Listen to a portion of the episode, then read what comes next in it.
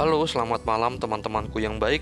Pada hari ini Sabtu 29 Agustus 2020 ya, peringatan wajib wafatnya Santo Yohanes Pembaptis, saya mau sharing pengalaman iman saya yang saya beri judul Pakailah pola pikir Allah untuk mewartakan kabar baik Allah.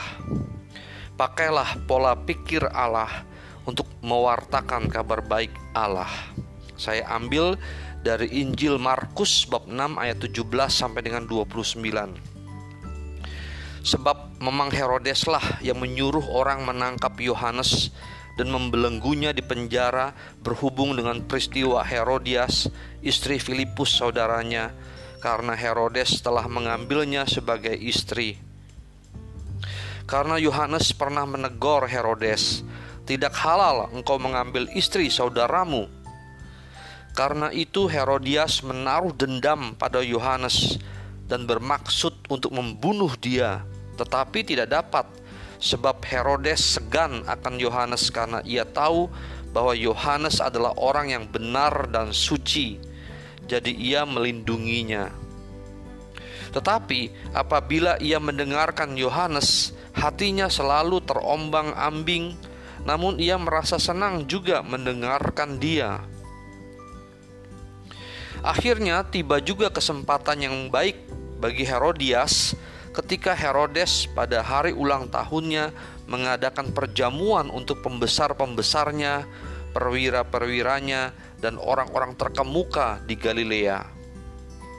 Pada waktu itu, anak perempuan Herodias tampil lalu menari, dan ia menyukakan hati Herodes dan tamu-tamunya.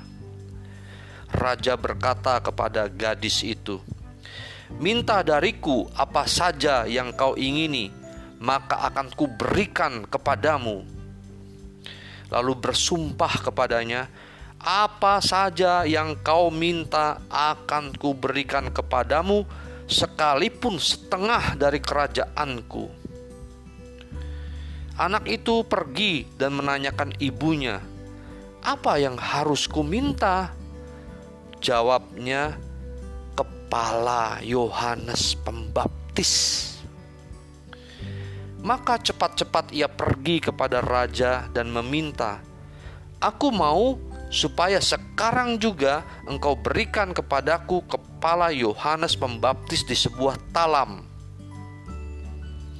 Lalu sangat sedihlah hati raja, tetapi karena sumpahnya dan karena tamu-tamunya, ia tidak mau menolaknya raja segera menyuruh seorang pengawal dengan perintah supaya mengambil kepala Yohanes. Orang itu pergi dan memenggal kepala Yohanes di penjara. Ia membawa kepala itu di sebuah talam dan memberikannya kepada gadis itu, dan gadis itu memberikannya pula kepada ibunya. Ketika murid-murid Yohanes mendengar hal itu, mereka datang dan mengambil mayatnya lalu membaringkannya dalam kuburan.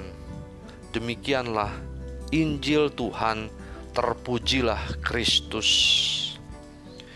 Teman-temanku yang baik, tadi aku melihat dan mendengar di Misa Kudus live streaming oleh Pastor Adrian Adirejo OP Ordo Pawarta di Gereja Katolik Roma Redemptor Mundi di Surabaya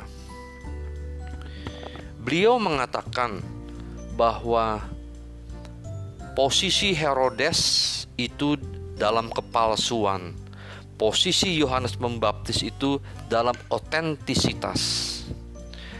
Herodes itu tidak bebas karena ada ketakutan, hidup dalam ketakutan.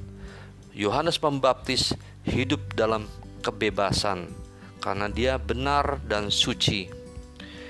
Herodes memiliki posisi, memiliki harta, memiliki kuasa, tetapi hidup dalam dosa. Jadi dipenjara oleh dosa, dipenjara oleh kekata, oleh ketakutan, kekhawatiran. Nah, itu karena apa? Karena dipenjara oleh dosa. Dipenjara oleh dosa mengkhianati pikirannya sendiri. Pikirannya mau menjalankan yang benar tetapi tidak bisa dipenjara oleh dosa. Jadi kadang-kadang dia hidup bimbang, terombang-ambing. Yohanes membaptis. Dia itu posisi tidak ada di padang gurun. Harta tidak ada di penjara.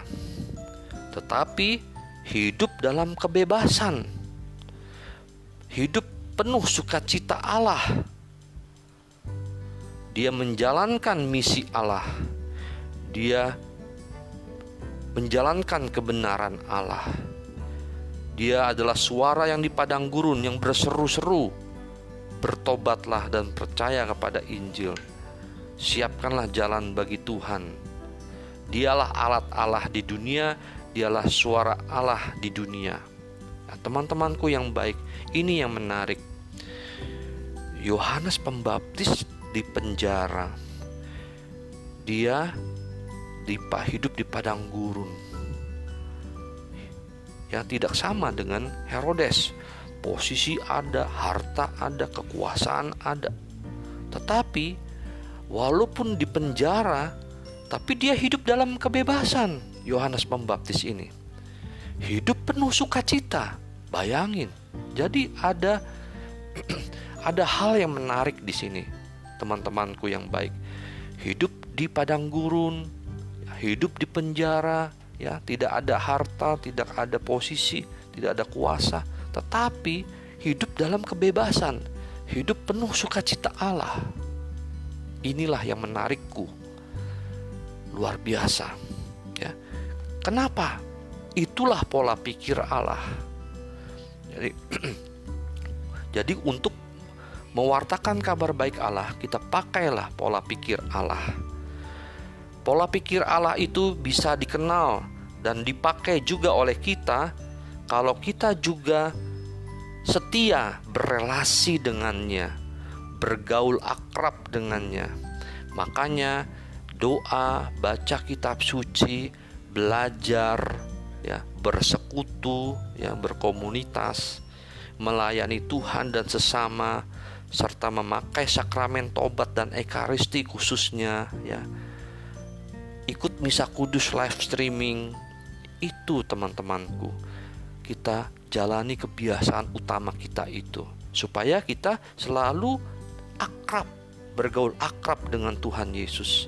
Sehingga apa? Pola pikir Allah itu bisa kita kenal dan kita pakai juga oleh kita.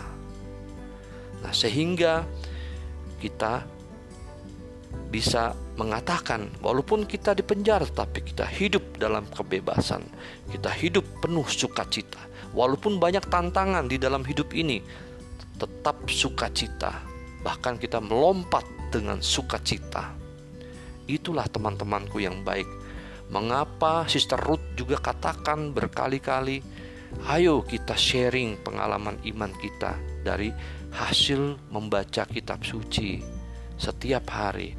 Dengan begitu kita belajar, kita selalu nilai, memasukkan nilai-nilai Kristiani dalam hati kita yang akan mewarnai tingkah laku kita sehari-hari dengan nilai-nilai Kristus itu sendiri. Oke, teman-temanku, pakailah pola pikir Allah untuk mewartakan kabar baik Allah ya. Tentu artinya pola pikir Allah dengan teladan kita tingkah laku kita yang baik action kita dan tentu juga dengan perkataan kita ya. Sehingga yang penuh integritas. Oke teman-temanku sekali lagi pakailah pola pikir Allah untuk mewartakan kabar baik Allah. Bye